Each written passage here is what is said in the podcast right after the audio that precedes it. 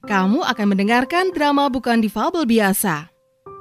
Pada episode sebelumnya, Rafa menjalani rehabilitasi dan diberikan tongkat istimewa oleh Pak Gusti dan sempat menolong seorang gadis bernama Melati. Hal itu menunjukkan betapa peka indera pendengarannya. Lalu bagaimana kehidupan Rafa setelah menjalani rehabilitasi? Pada episode ketiga, Ardika sebagai Rafa, Vivi sebagai Shiren, dan Linggar sebagai Samsul. Mari simak bersama ceritanya berikut ini. Rafa mulai kembali bekerja. Namun, dia tidak lagi memegang perusahaan mebel dan properti warisan papanya. Usaha itu kini dipegang oleh mamanya. Rafa memilih meneruskan usaha toko alat musiknya yang sempat tutup.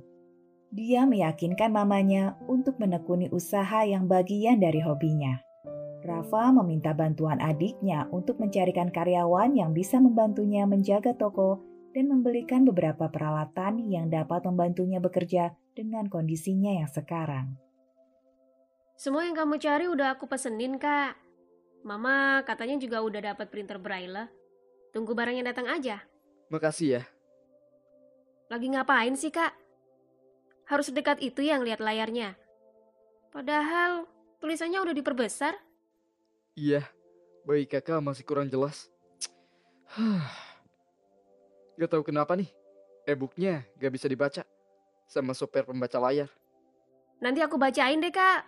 Aku rekamin di rumah. Oke deh, capek juga matanya dipaksain baca. Kak, Apa? kakak nggak mau coba ketemu Amira lagi. Kakak mau ke toilet dulu ya? Aku bukannya tak mau, tapi aku tidak percaya diri dengan kondisiku sekarang.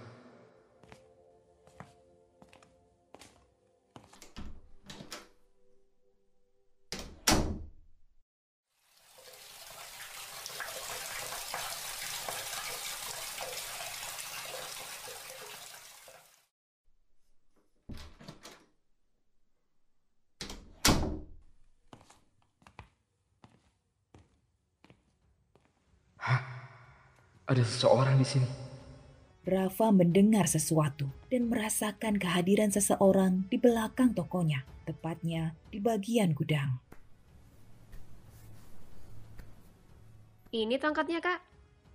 Bukan ini yang kakak cari. Oh, kirain cari tongkat. Cari apaan sih? Baton stick. Coba bantu kakak mencari. Perasaan ada di laci meja. Ini, Kak.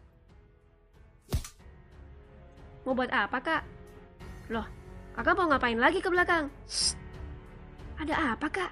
kamu diam aja di sini. Siren tak menurut.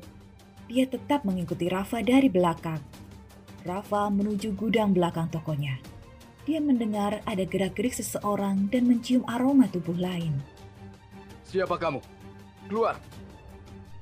Tak lama kemudian, muncul seorang pria berumur sekitar 20 tahunan dengan wajah sedikit ketakutan dari balik dinding kardus.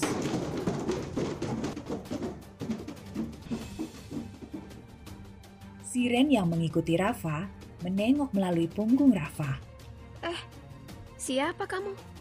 Maaf mas, maaf mbak, saya cuma numpang tidur di sini.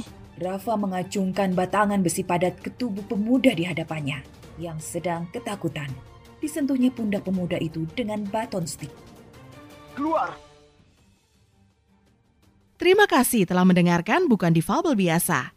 Nantikan episode selanjutnya. Drama ini dipersembahkan oleh Ruang Suara Kreatif Production.